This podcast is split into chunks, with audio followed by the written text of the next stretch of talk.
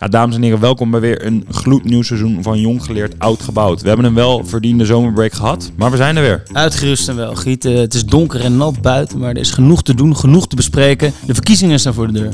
Ja, daarom gaan wij in aanloop naar het grote verkiezingsdebat van Vastgoedmarkt op 6 november in gesprek met verschillende politici. En dan gaan we natuurlijk zowel het linker als het rechter politieke geluid laten horen. En eh, erna, na de verkiezingen, gaan we nog een grote round-up doen om te zien waar we aan toe zijn de komende vier jaar. Als we geluk hebben trouwens. hè. Ja, en we vandaag beginnen dus met de grote linkse vleugel. We hebben Henk Nijboer te gast. Guido, wonen, dat is een grondrecht. En anders niks.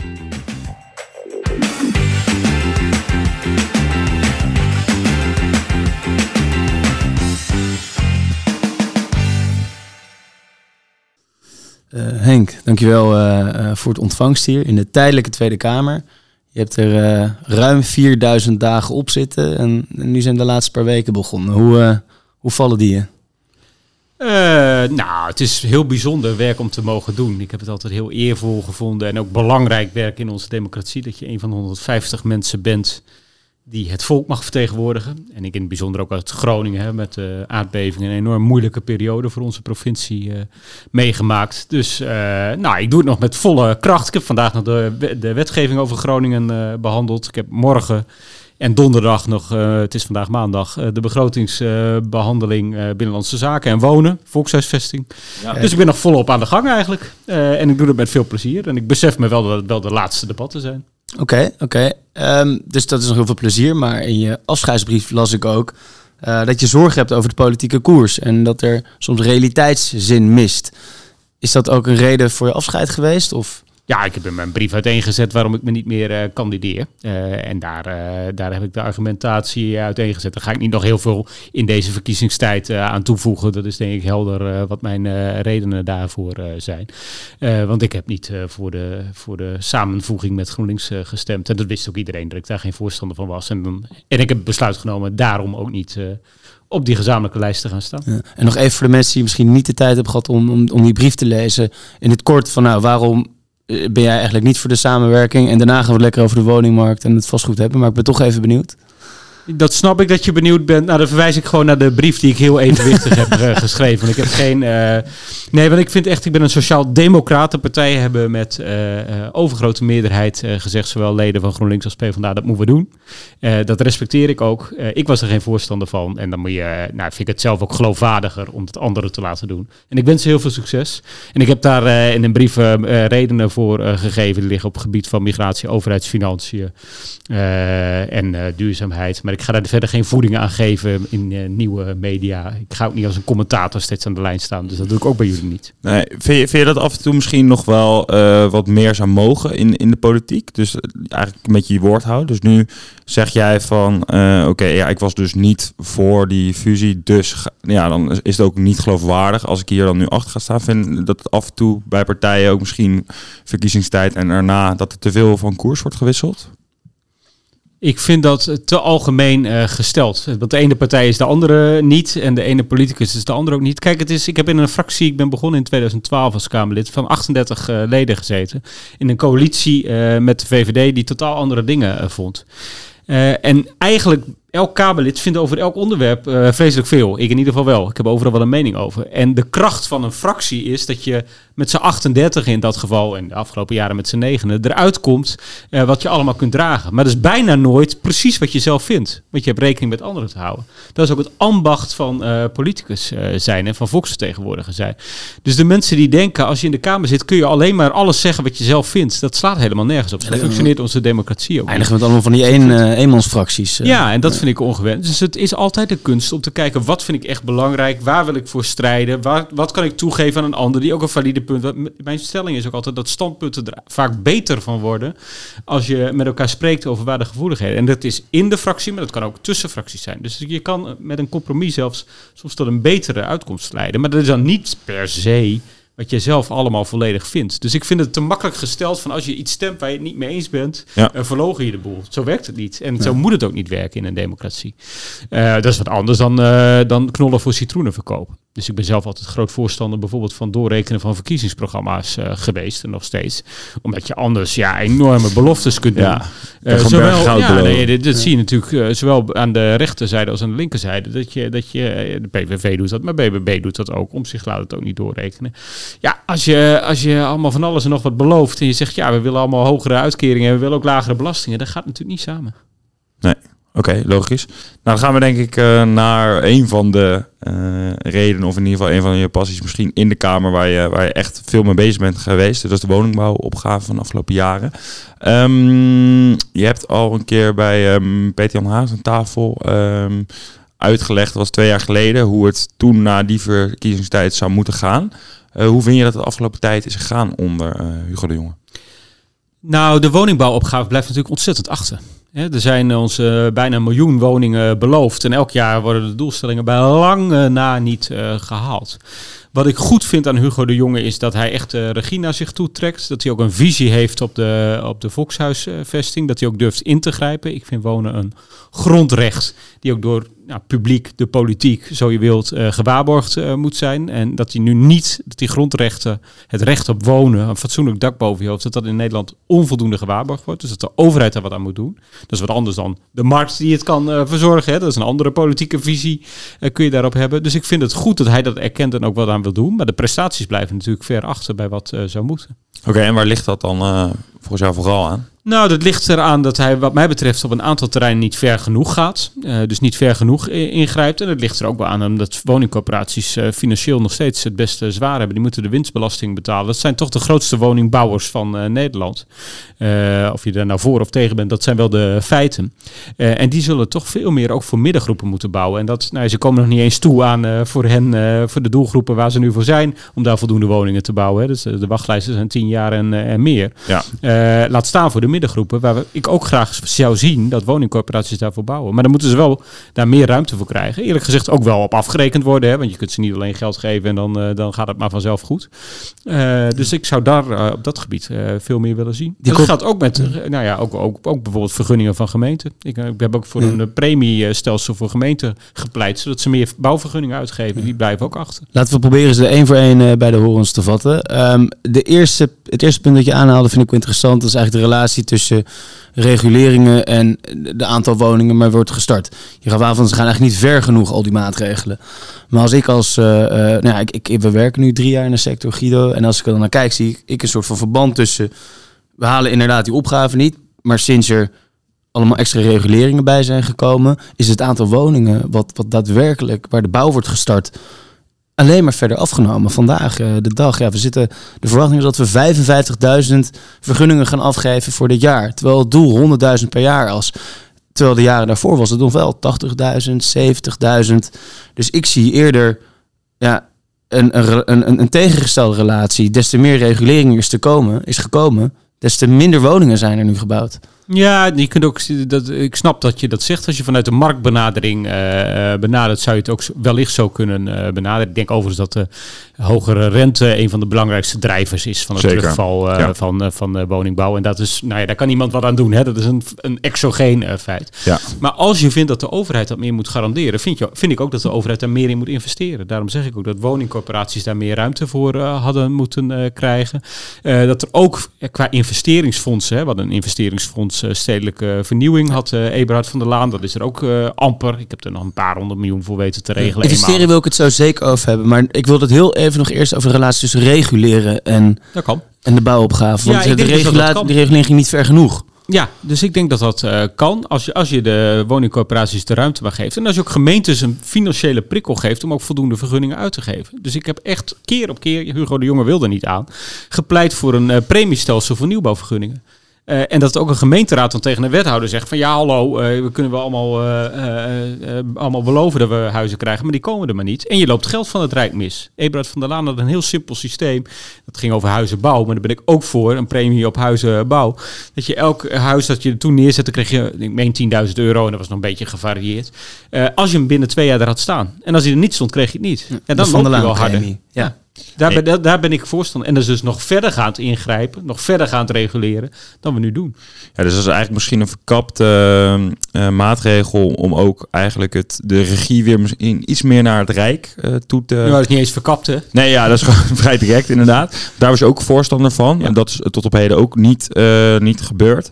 Ehm, hoe kijk je daar nu tegenaan? Nou, dat gebeurt meer. Hè? Dus Hugo de Jonge wil echt meer regie nemen. Neemt ook meer regie. Is daar de persoon ook naar? Ik moet zeggen, Ollengren eh, vond ik heel... eh, Ze moesten het erbij doen, toch? Ja, die deed het erbij. Maar die koos ook, eh, dat ligt misschien ook wel aan haar politieke overtuiging, altijd voor de sector en overleg. Hè? Terwijl ik daar niet in geloof. Als er harde marktkrachten werken, ik ben helemaal niet tegen overleg, daar gaat het niet om. Maar niet als, ja, je moet wel zelf als wetgever zeggen wat je wil. En ook als je regulering maakt, er ook geld bij leggen als, het, als je onrendabele toppen voorziet. Want anders komt het inderdaad niet van, de, van de grond. Maar ik kan me voorstellen dat voor veel mensen die in de sector werken, die dit horen, dat dit best wel tegen de borst kan stuiten. Die zeggen van nou, wij werken al tientallen jaren in deze sector. En deze politicus uit, Den Haag die zegt, nee, ik wil niet met ze overleg. Ik wil dat wij bepalen wat er gebeurt.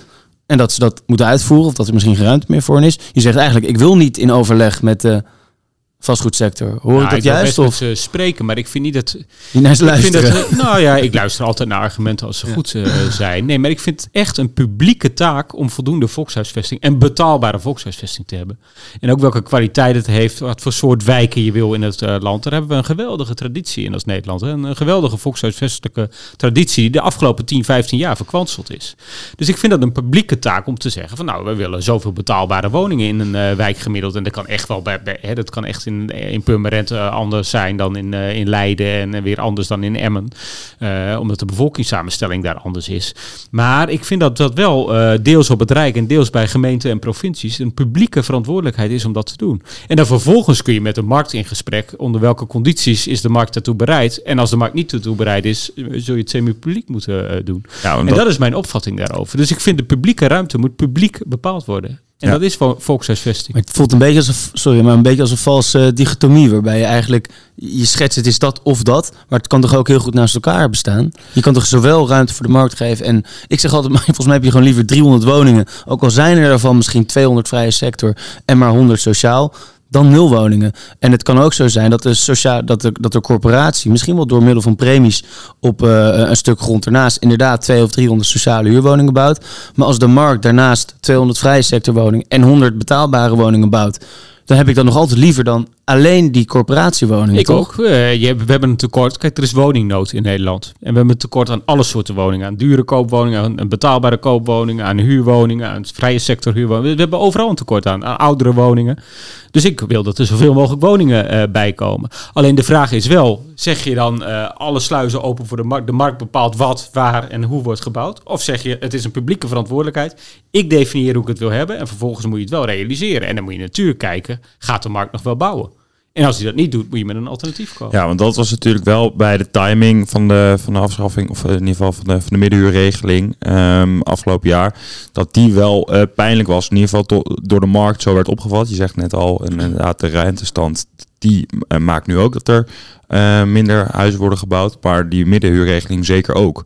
En dat is natuurlijk wel dat die twee dingen elkaar een beetje bijten. Dat de middenhuurregeling zorgt dat er minder woningen komen.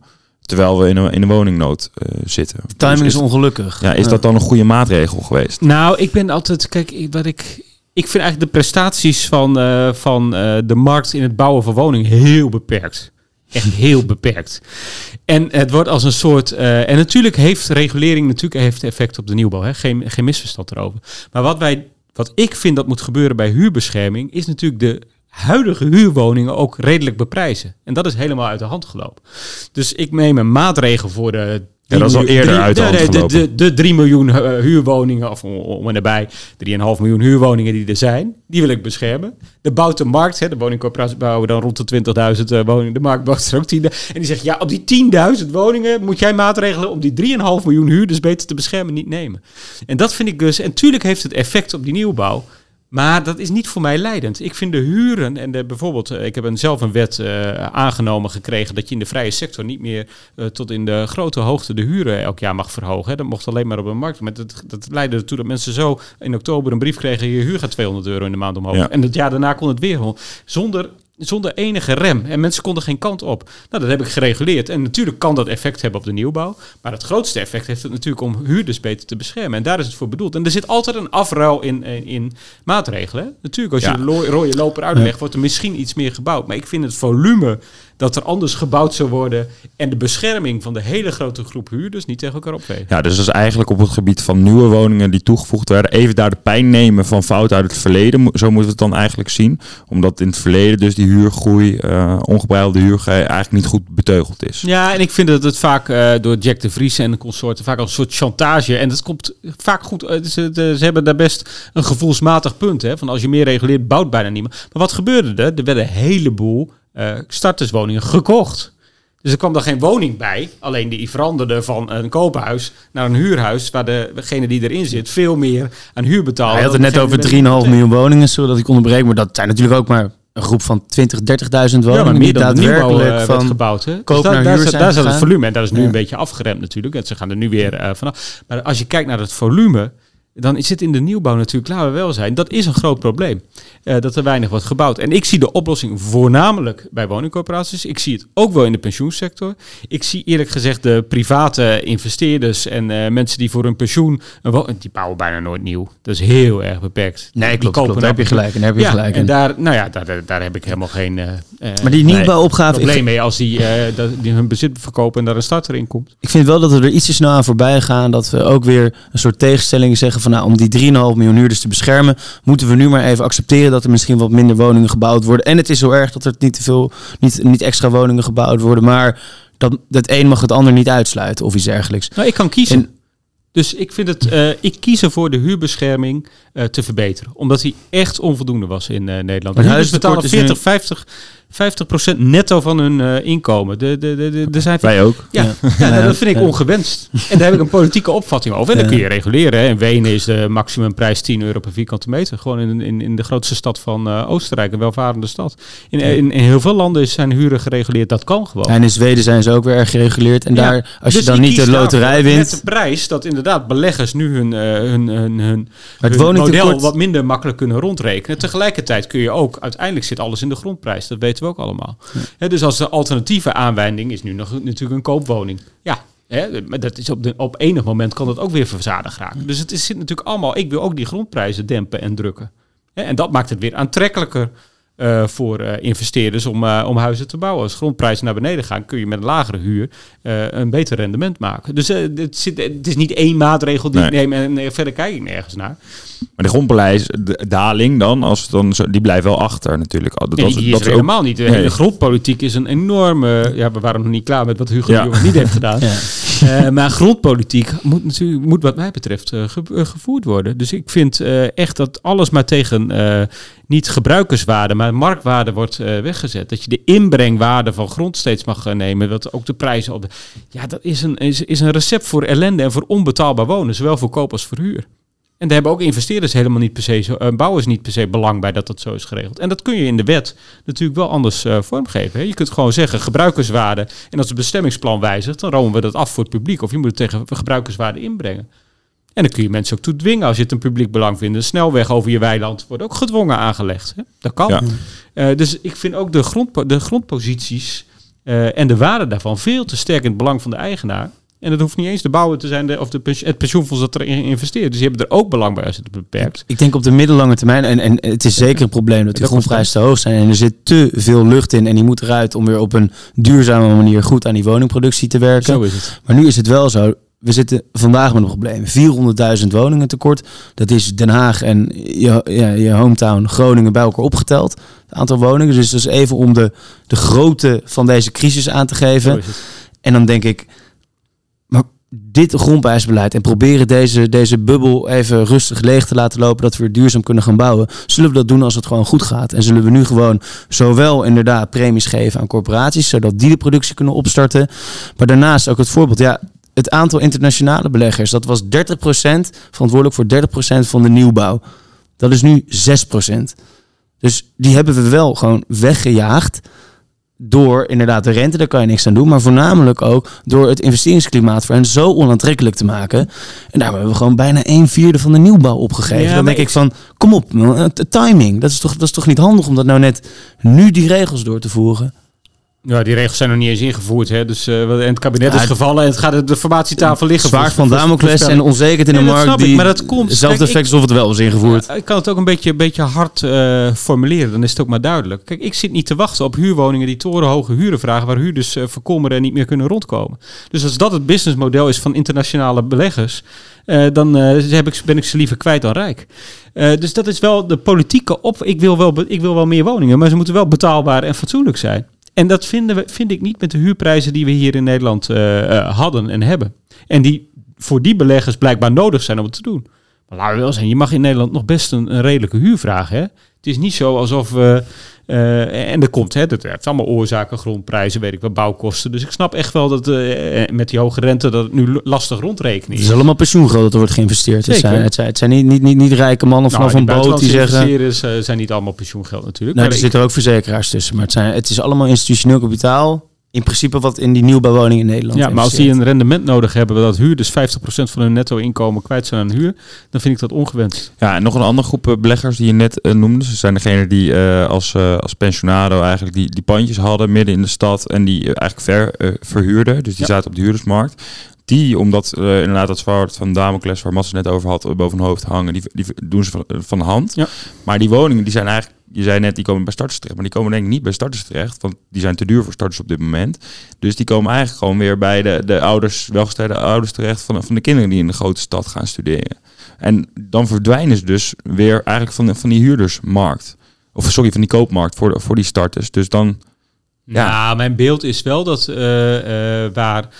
Kijk, laten we wel zijn. eh, geld leverde nergens wat op. De rente was nul. eh, dus, dus me- en, vastgoed, en gratis. vastgoed rendeerde heel enorm. ja. En daar hebben heel veel mensen hebben daar huizen voor gekocht als pensioenvoorziening. Dat is niet verboden.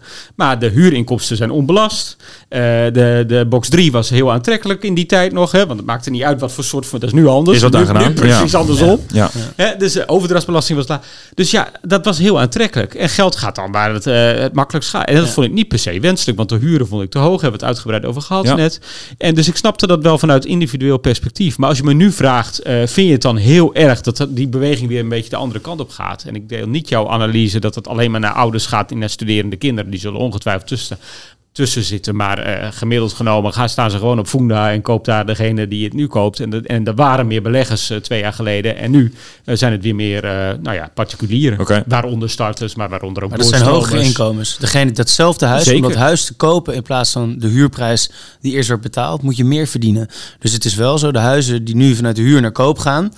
Nou, ik, ik weet toevallig zelf, want ik kijk ook wel eens op vinden van wat kan ik kopen en huren. Nou, en als ik het huis zou willen kopen wat ik nu huur, dan kom ik bij lange na niet aan. Dus als ik nu eruit zou worden gezet omdat de regulering zou stoppen, nou, dan wordt het gekocht door iemand met een stuk hoger inkomen dan ik. En Ja, maar wel met veel is lagere dat- maandlasten. Hè? Dus dat is, dat, ik vind nee, dat is hetzelfde- niet waar. Dat is niet waar. dat Ik vond hetzelfde. Nou, als je kijkt naar wat Met de huidige wat de, wat de rente? huren. Ja, dat, dat, dat wisselt natuurlijk altijd. Hè. Dat moet zeggen. Ja, dat, per persoon dat, anders. dat is, en je hebt nog hypotheekrente aftrekken. En dat heb je als huurder. eh, als, je, als je boven, je dat de, boven, de, boven de huurtoeslaggrens zit, heb je dat weer niet. Hangt daar ook weer van af. Dus dat is allemaal. Ver boven, hè? Nou ja, goed. Maar dat hangt daar ook allemaal weer eh, van af. En er zijn ook eerlijk gezegd ook best veel verhuurders die best hoge inkomensgrenzen stellen voordat je een huis mag huren. Daar krijg ik ook heel veel eh, berichten Ja. over. Dus andersom hoor ik ze ook vaak. Ik had Ja, het wel zeker. kunnen kopen. Drie- drie En keer maand En ik salaris had- wordt, Nou, eh, 3,5 is het dus, gemiddeld. Dus, dus beide, ja. beide geldt. Dus ik denk Ja. dat je het zo generiek het ongetwijfeld in jouw geval zal het zo zijn. Dus dat neem ik direct van je aan. Maar het is andersom ook wel eens eh, het geval.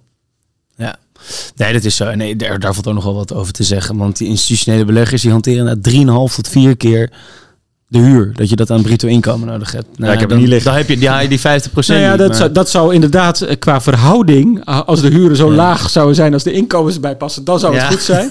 Maar dat is natuurlijk nu in de praktijk niet zo. Hey, ik wil het een beetje hebben over de plannen van eh, GroenLinks PvdA.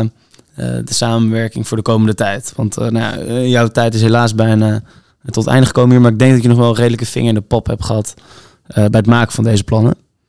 Dus daar kunnen we wel naar bevragen. natuurlijk. toch? kun je- Nou ja, ik heb de afgelopen zes jaar volkshuisvestingswoordvoerder. Ik heb niet gezien dat ze hier een enorme koerswijziging op in. Oké, zetten. gelukkig, gelukkig. Ik las eh, iets over het woningbouwfonds en de Nationale Grondbank. Ehm, wat, wat is dat precies en wie gaat het betalen? Nou, de belastingbetaler gaat het betalen. dus dat is een makkelijk uh, antwoord. Uh, ja, de nationale grond, dat heeft met grondpolitiek te maken. Dus ik vind ook dat de overheid uh, veel meer grondposities moet innemen en daarna bepaalt wat er op moet gebeuren. Dus als je betaalbare woningbouw als eis stelt, zal dat wat doen met de grondwaarde ook. Dus ik vind dat de overheid daar ook veel meer posities in zou moeten nemen. En bijvoorbeeld ook landbouwgronden, bijvoorbeeld de stikstof aanpakken. Er zijn heel veel boeren moeten worden opgekocht. ja, dat zou je ook voor een deel als dat past daar, op die plek uh, woningbouw voor kunnen maken. En dat zul je dan ook zelf moeten doen en niet aan speculanten moeten overlaten. Ja, dus, dus zelf, daar is de grondbank voor. Zelf kopen. Zelf van, kopen. En dan inderdaad bij en dan, voorkeur die landbouwgrond en dan misschien ook een tijdje wachten tot dat daar... Nou, ik vind de overheid geen belegger. Hè? Dus nee. ik doe het niet vanuit beleggingsperspectief, om het goed even helder te zetten, maar vanuit ruimtelijk ordeningsperspectief. En een opvatting over hoe je de ruimte wil indelen. En je merkt nu dat die positie, daar had ik net al wat, de positie van degene die de grond bezit, met een uh, recht op zelfrealisatie, met een, met een marktwaarde als inbreng, met alle handen. Ja, je hebt gewoon, in Groningen hebben we de Twentse bouwers, die hebben, die hebben eindeloos lang, 10, 15 jaar lang, midden tussen gewoon de stad en een nieuwe woonwijk, eh, hectares grond braak laten liggen omdat ze gewoon te beroerd waren om te bouwen. En de gemeente kan niks. Ja, dat vind ik heel erg slecht. En dan ben ik eh, even benieuwd, als we dan het zijpaadje van uh, ruimtelijke ordening heel even ingaan. Als, je, als we nou even vergezicht uh, gezicht mogen schetsen van hoe Nederland er dan inderdaad over een aantal decennia uit zou moeten zien. Want dat is heel lang ingezet, zeg maar, in eerste instantie op die middelgrote steden, ja. Nieuwegein, nou, Capelle aan de IJssel, dat soort dingen. Dat is niet echt gelukt, denk ik. Uh, vind ik. Uh, hoe, hoe, zou jij dat uh, zien? Nou, ik maak me ontzettend zorgen over middelgrote steden. Heb ik ook wel eens vaker in de Zijn er zoveel van? Ja. maar zoals Meppel en Veendam en ik kom uit Groningen. Ja, die komen allemaal met zuiden, toch? Ja, ja nee, maar je kunt ook Sittard of weet ik. Maar dus, dus uh, het concept daarvan was, uh, je kon daar uh, redelijk betaalbare woningen wonen en je hebt alle voorzieningen in de buurt. Dat was een beetje het concept van ja, die winkelcentrum. Ja, en, ja, HEMA en je hebt ja. ja. en een ziekenhuis en de, en, en, de, en de basisvoorzieningen. En het was betaalbaarder dan de, dan de grotere steden, want die waren duur. Nou, en dat concept staat ontzettend onder druk doordat die voorzieningen steeds meer verdwijnen en die winkelstraten minder aantrekkelijk worden. Dus dat is ook, nou, als je vraagt waar is een investeringsfonds voor nodig, is het ook om de kwaliteit van die gebieden op peil te houden. En dat is echt een, uh, echt een uh, grote zorg uh, van mij. Want ook en daar zullen meer mensen moeten wonen. Als je miljoen mensen gaat, miljoen woningen wil bouwen, zul je overal in Nederland meer woningen moeten bouwen. En ik heb ook wel veel pleidooien gehouden, ga ik ook deze week weer doen, om het, ja, de Nederlandse volkshuisvestelijke traditie, om, om daar echt ook weer nieuwe, baanbrekende huizen te bouwen. En natuurlijk moet er veel volume komen. Hè. Daar ben ik ook voor. Ik ben ook niet tegen flexwoningen. Ik ben, we hebben woningnood, dus daar ben ik voor. Uh, maar er moeten ook wel weer, wat we in het verleden altijd deden, weer uh, projecten komen die mooi en spectaculair zijn. En dat kan ook. En ik hoef het niet mooi te vinden, maar vernieuwend zijn in de wereld. Dat we over honderd jaar terugkijken en zeiden, toen moesten ze een miljoen woningen bouwen. Moest kijken wat ze ook hebben gemaakt. Ik ben ik het helemaal mee eens. Want als er, als er één grote ergernis is, uh, ja, die ik nu in de vastgoedwereld zie in Nederland, is dat we zoveel lelijke dingen aan het maken zijn. En het moet allemaal goedkoop en snel. En, uh, dus het moet ook mooi en, en lang duurzaam. het is ook nog ontzettend duur. Ja, dus zijn er echt. Daar ga je. Nou ja, en, en, dat kan echt wel hoor. Dit kan echt. En mensen willen ook mij. Dat, dat debat heb ik echt in de Kamer eh, met een paar collega's, maar niet echt aangezwengeld. Om niet alleen maar op volume. En Hugo de Jonge wil er ook wel mee aan de slag. Alleen ja, ik weet niet hoe lang hij er nog zit. En dat is wel, echt, dat is wel echt afhankelijk van ook wie uh, van de politieke sturing. Die ik heb alleen nog maar plannen gehoord die heel veel extra geld kosten. En, en ik, ik, terecht, er moet ook meer geld naartoe. Want de bebouwde omgeving is zo belangrijk. En ook de natuur. Dus daar moet ook heel veel geld naartoe. Maar dan zou ik ook denken, elke euro die men in Nederland wil investeren, zou ik met beide handen aangrijpen. De, de, als we ongeveer 1 miljoen huizen moeten maken, is de verwachting dat de totale investeringscapaciteit daarvoor 390 tot 400 miljard is. Ja. Dat is ongeveer wat de overheid in één heel jaar uitgeeft. Dat is een enorme opgave. En hoe graag ik ook wil, maar als je dat in de komende zeven jaar als overheid voor een grote optie zou willen nemen, dan hebben we een soort tweede zorgpost erbij. Met andere woorden, dat is gewoon helemaal niet realistisch. En het is toch, als er dan buitenlandse partijen zijn en geef ze vaste. Uh, uh, ja, hoe noem je dat? Vast uh, een soort framework waarbinnen ze kunnen investeren. Nou, als, je, als de woningen voor een x-percentage betaalbaar zijn en je weet dat ze ook een deel moeten verdienen, dus je moet ook een deel vrije sector laten, is dat alleen maar welkom, zou ik zeggen. Ik begrijp niet zo goed waarom waarom er zo'n tendens is van ja, nee, die, die heb ik niet nodig. Bijvoorbeeld Heimstade, die verkoopt woningen. En dan wordt er gezegd, ja, goed, wegwezen eigenlijk. eh, eh, lijkt me een goed plan. Terwijl die woningen, dat zijn woningen die minder dan 1000 euro per, maand gemiddeld zijn. Dan denk ik, ja, als we zo'n grote investeringsopgave hebben, dan erger ik me een beetje aan de, de toon van ja, we, we hebben jullie niet nodig. We, we gaan het wel met, met, met, met belastingcenten investeren. Ik denk, nou, dat is. Nee, maar dat kan natuurlijk ook niet eh, met de belastingcent. Ster- Sterker nog, dat, dat- dat, dat is qua volume stelt dat natuurlijk, behalve voor de woningcorporaties met de verhuurderheffing en wat mij betreft ook de winstbelasting, stelt het qua omvang natuurlijk ook eh, niet zo vreselijk veel voor. Eh, maar je kunt wel de condities scheppen waarop iets eh, kan. Dus ik vind bijvoorbeeld bij de begrotingsbehandeling deze week ben ik voor een doorbouwgarantie. Dat gaat dan om koopwoningen, niet om huurwoningen. Maar die worden vaak gebouwd als 70% is verkocht. Nou, wij willen dat, bij, dat bij 50% kan en dat er een overheidsgarantie komt als je 50%, die laatste 20%. Hè, de premie bijvoorbeeld. Daar zijn Grimwis en ik, eh, collega Grimwis en ik, eh, al heel lang mee bezig, al twee jaar. Juist om die dip in de woningbouw tegen te gaan. En dat is een marktgarantie, hè? dat is niet de overheid die die eh, huizen bouwt. En ik wil ook best kijken naar private verhuurders die het binnen de huurregulering, die ik acceptabel vind, willen maken waar de problemen daar zitten. En ik wil ook wel naar grondprijzen kijken en daar ingrijpen. Dus het is helemaal niet zo dat ik daar helemaal geen oog eh, voor heb. Maar wel onder die condities. Ja, en Heimstade, daar, daar, wil ik, wil ik, daar heb ik verder niet zo vreselijk veel oordeel over. Ik heb wel een oordeel over Blok, die ging eh, de, de, de wereld over en zegt kom allemaal bij ons en koop ons huis. Kijk, ik die zijn ook wel nieuwbouw- erg een beetje gek. nee, nee, maar Ja, nieuwbouw, nee, met je nieuwbouw eens, moet ja. er komen. Maar bestaande bouw in ha- handen van een ander eh, eigendom maakt natuurlijk niet dat er meer woningen van komen. En ook niet minder. Dus daar, maak ik, me- ja, daar, daar vind ik niet zo vreselijk veel van als politicus. Maar goed, als ze dan eh, alle labels D tot en met F in principe naar A en A plus willen upgraden, dus eh, de woningvoorraad van Nederland willen verduurzamen, valt er ook weer wat voor te Dat is zeggen. zeker. ja, ze goed dat is bezig. investeren, zeker. Ja. Want soms vind ik die toon, maar dat vind ik echt aan beide kanten. We hebben eh Wiebe van Haga te gast. eh, als, nou, die moet aan de rechterkant, eh, het rechterspectrum, zeg maar, Ja, die is goed licht overschijnen. Ja, die, die is wel rechts, hè? Ja, die, dat, Ja, eh, daarover gesproken, Mats. We hebben uh, Wiever van Hagen ook gevraagd om, een, om een vraag aan, aan jou te stellen. Om toch nog even links versus rechts spectrum even, of tegenstellingen toch iets meer op, op scherp te zetten. Dan hoeven wij het niet te doen. Ehm, nou ja, goed. eh, het zijn vrij eh, cynische vragen. Zo, Wiebe, kun, je, kun je eh, misschien ook zijn stem nadoen? Dat het klinkt bij ik, dat ben ik niet. Dat, dat zou ik niet eens weten hoe dat, hoe dat klinkt. Om Ik heel boos gewoon. Heel boos. Ehm, rechts en boos. Als e- allereerst vraagt hij zich af: zijn er ook goede dingen voortgekomen uit kapitalisme? Ja, natuurlijk de vrijheid die, eh, die je hebt in een, ons economisch systeem.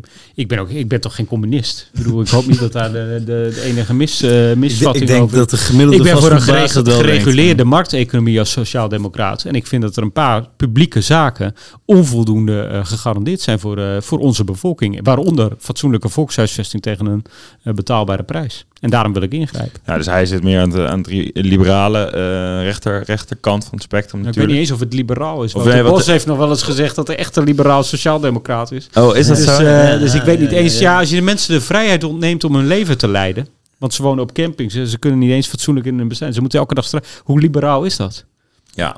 Ja, en hij zal natuurlijk doelen op, eh, op, op dat het rendement van zijn, eh, zijn, zijn pandjes eh, be- beteugeld werd door deze maatregelen. Ja.